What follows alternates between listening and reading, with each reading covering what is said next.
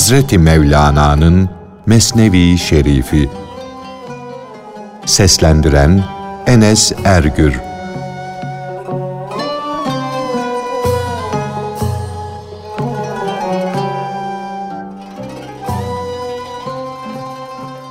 Halkın üstün görmesi, rağbeti yüzünden birisinin vehme düşerek hastalanmasına örnek.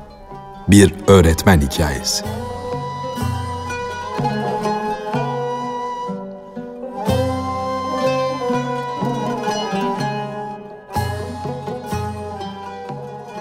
Bir okulun çocukları öğretmenden eziyet çekmişler, çalışmaktan bıkmışlar, usanmışlardı. Öğretmeni zor durumda bırakmak ve okula gitmemek için birbirleri ile danışıp görüştüler. Öğretmene bir hastalık gelmiyor ki birkaç gün okuldan uzaklaşsın da biz de okulda hapsolup kalmaktan, daralmaktan ve derse çalışmaktan kurtulalım. Hoca mermer kaya gibi yerinde durmaktadır. İçlerinden en zekileri şuna karar verdi. Hoca neden böyle sararmışsın diyecekti. Hayrola betin benzin yerinde değil. Bu hal ya soğuk algınlığından yahut sıtmadan. Benim bu sözlerimden hoca birazcık vehme kapılır dedi. Sen de bu suretle bana yardım edersin kardeşim. Okulun kapısından girince hayrola üstad de. Bu haliniz ne? Benim sözlerimden kapıldığı vehim azıcık daha artar. Vehme kapılan akıllı kişi bile deli gibi olur. Bizden sonra üçüncü, dördüncü, beşinci çocuk da bu çeşit sözlerle hocanın hastalığından üzüntü duyduğunu, gamlandığını söyler. Otuz çocuk bu haberi verirse, otuzu da aynı sözleri söylerse hastalık gerçekleşir. Çocukların hepsi de aferin ey zeki çocuk dediler. Bahtın daima yaver olsun. Aralarından birisi bile aykırı düşüncede bulunmadı. Hep birlikte kararlarından dönmemek üzere ahdettiler. Ondan sonra elebaşı olan çocuk birinin gammazlamaması için hepsine yemin ettirdi. O zeki çocuğun buluşu hepsinden üstündü. Çünkü onun aklı bütün çocukların aklından daha ileri idi.'' güzelliklerin nasıl birbirlerinden farkları, üstünlükleri varsa, insanların akıllarında da fark vardır. Hazreti Ahmet sallallahu aleyhi ve sellem de bir hadislerinde erkeklerin güzelliği dillerinde gizlidir diye buyurmuştur. Akıllardaki fark yani bazı insanların çok akıllı, bazısının az akıllı olması yaratılıştandır bu meselede Sünnilerin görüşlerini uygun bulmak gerek. Bu görüş Mutezile mezhebinde olanların görüşlerine aykırıdır. Çünkü onlar yaratılışta akılların eşit olduğu yani herkesin aynı derecede akıllı olduğuna inanırlar. Onlar derler ki deneme ve öğrenme aklı hem çoğaltır hem azaltır. Böylece birisi öbüründen daha bilgili olur. Mutezile'nin bu görüşünün aslı yoktur. Hatalıdır. Çünkü o zeki çocuğun herhangi bir meslekte denemesi olmadığı halde verdiği kararın o küçük çocukta beliren düşüncenin hocalarını rahatsız etmek için aldığı tedbirlerin tecrübe görmüş ihtiyar bir kişi kokusunu bile alamamıştır. Zaten fıtri aklın yani yaratılıştaki aklın o üstünlüğü, fazlalığı çalışma ile, çabalama ile, düşünce ile elde edilen akıl üstünlüğünden elbette daha iyidir. Okuyucu, sen söyle. Allah'ın verdiği ayaklarla yürümek mi daha iyidir yoksa bir topalın rahvan yürümeye kalkışması mı? Sabah oldu.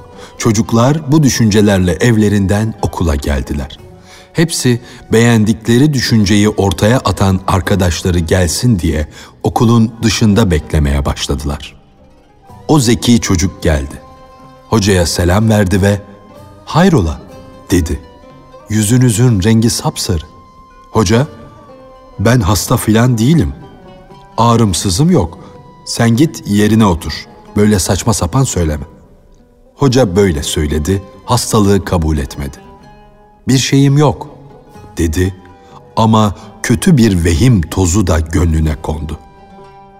Bir başka çocuk geldi, o da böyle söyleyince hocadaki o az vehim artmaya başladı.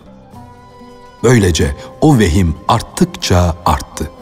Hoca da kendi haline şaştı kaldı. Hoca vehim ve korku ile kendini hasta hissetti. Kalktı, abasına bürünüp evinin yolunu tuttu.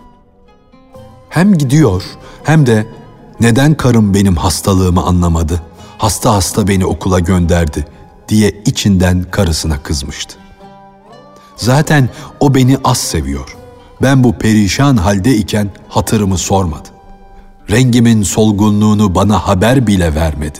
Zaten benim kusurlu, ayıplı varlığımdan kurtulmak istiyor. O kendi güzelliğinin, kendi cilvesinin sarhoşu olmuşken ben bir leğen gibi damdan aşağı düştüm. Yani bütün kusurlarım, ayıplarım ortaya döküldü. Bu düşüncelerle eve geldi, sertçe kapıyı açtı. Çocuklar da hocalarının peşine takılmışlardı. Karısı, hayrola neden böyle erken geldin? Allah korusun da başına kötü bir şey gelmesin, dedi. Hoca, kör müsün? dedi. Yüzümün rengine bak, halime bak. Yabancılar bile benim halime acıyorlar, benimle ilgileniyorlar da sen evin içinde olduğun halde nefretten, iki yüzlülüğünden ötürü yandığımı görmüyorsun, halime bakmıyorsun. Karısı, Hoca efendi, senin bir şeyin yok, bu endişen manasız ve saçma bir vehimden ibaret. Dedi ise de kocası kızdı. Ahlaksız kadın, dedi. Hala inat ediyorsun. Bendeki şu değişikliği, şu titreyişi görmüyor musun?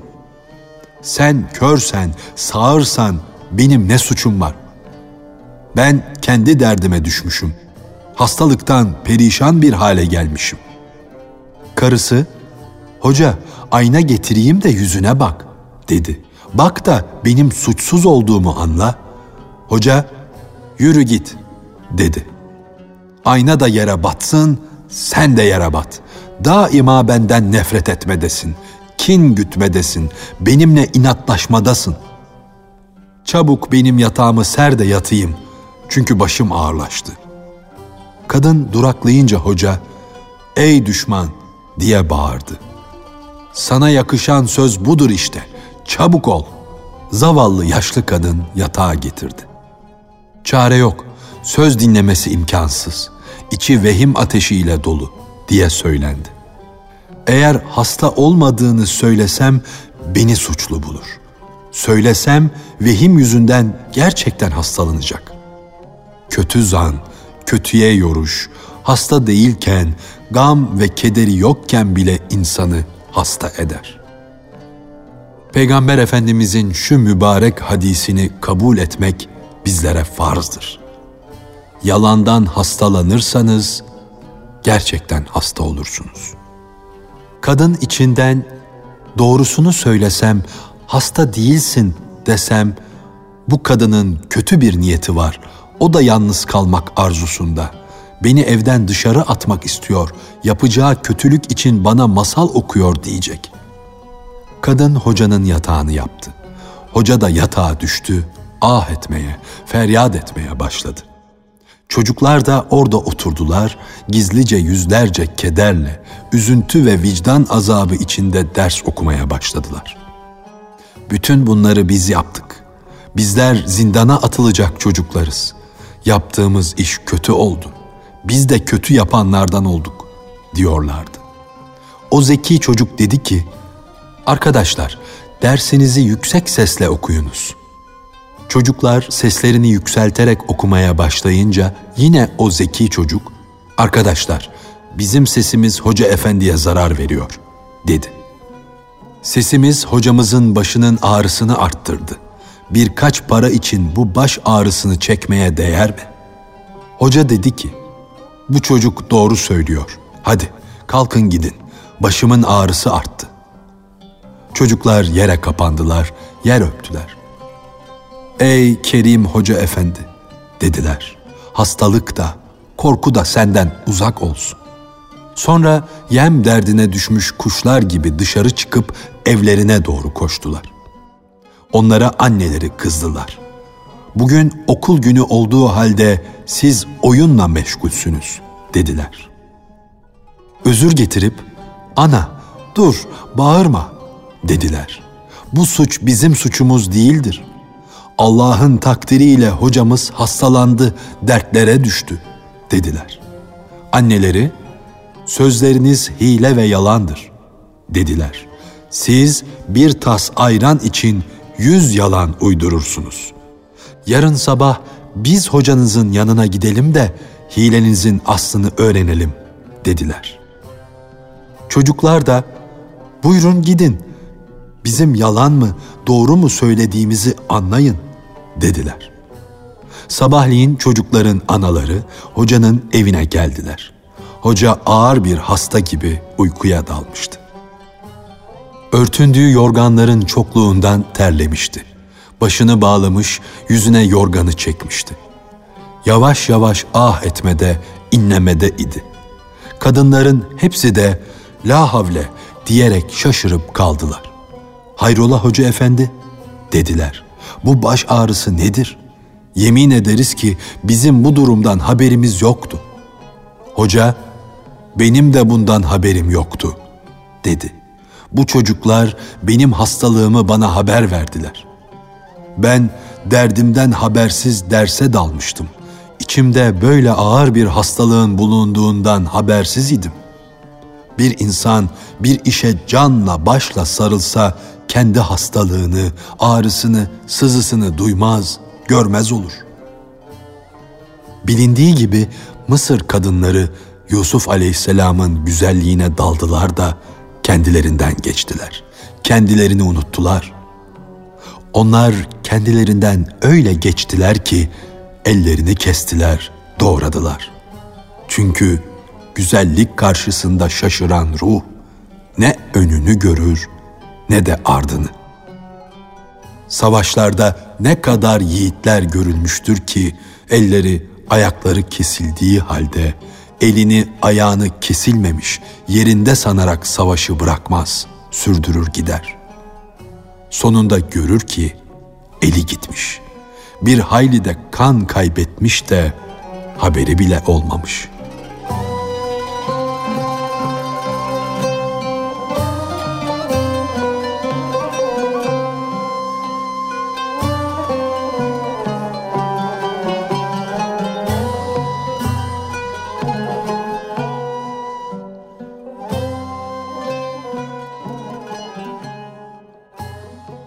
Beden ruhun elbisesine benzer. Bu el ruhun elinin yeni, bu ayakta ruhun ayağına giydiği mest.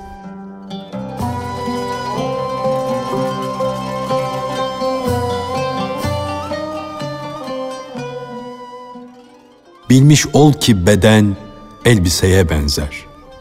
Sen bu elbiseyi okşayıp durma. Git de bu elbiseyi giyeni ara. Bu elbiseyi giyen ve bu elbise içinde gizlenen ruha bedeni tanımak, onunla meşgul olmaktan ziyade Allah'ı bir bilmek, bir tanımak hoş gelir. O ruhun bedenindeki görünen el ve ayağa benzemeyen, görünmeyen bir başka türlü eli, bir başka türlü ayağı vardır. Ruhun nasıl eli ayağı olur diye kafanı yorma. Rüyada el ayak görürsün, onlarla bir şey alır, bir yerlere gidersin. İşte gördüklerini gerçek bil. Saçma sapan sanma. Sen öyle bir kişisin ki sende bedensiz bir beden var. Öyleyse bedenden dışarı çıkmaktan, candan olmaktan, yani bedenden canının çıkmasından korkma.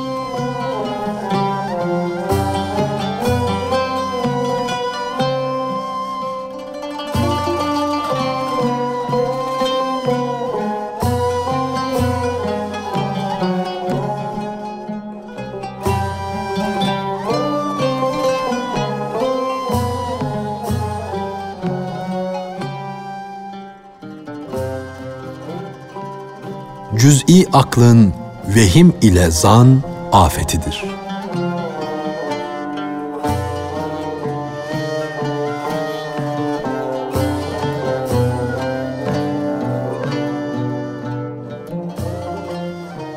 Cüz'i aklın afeti vehimdir, zandır. Çünkü cüz'i akıl tam inanç olan yakin ve bilgiden mahrum olduğu için karanlıkları yurt edinmiştir, aydınlıktan kaçmıştır. Yerde yarım arşın genişliğinde bir patika yol olsa, insan onun üstünde vehme kapılmadan rahatça yürür. Ama yüksek bir duvarın üstünde eni iki arşın olan bir yol olsa, orada korkarak, çarpılarak, eğilerek yürürsün. Belki de kalbinin vehim ile çarpmasından, bedeninin korku ile titremesinden düşersin. İyice bak da vehim korkusu neymiş anla.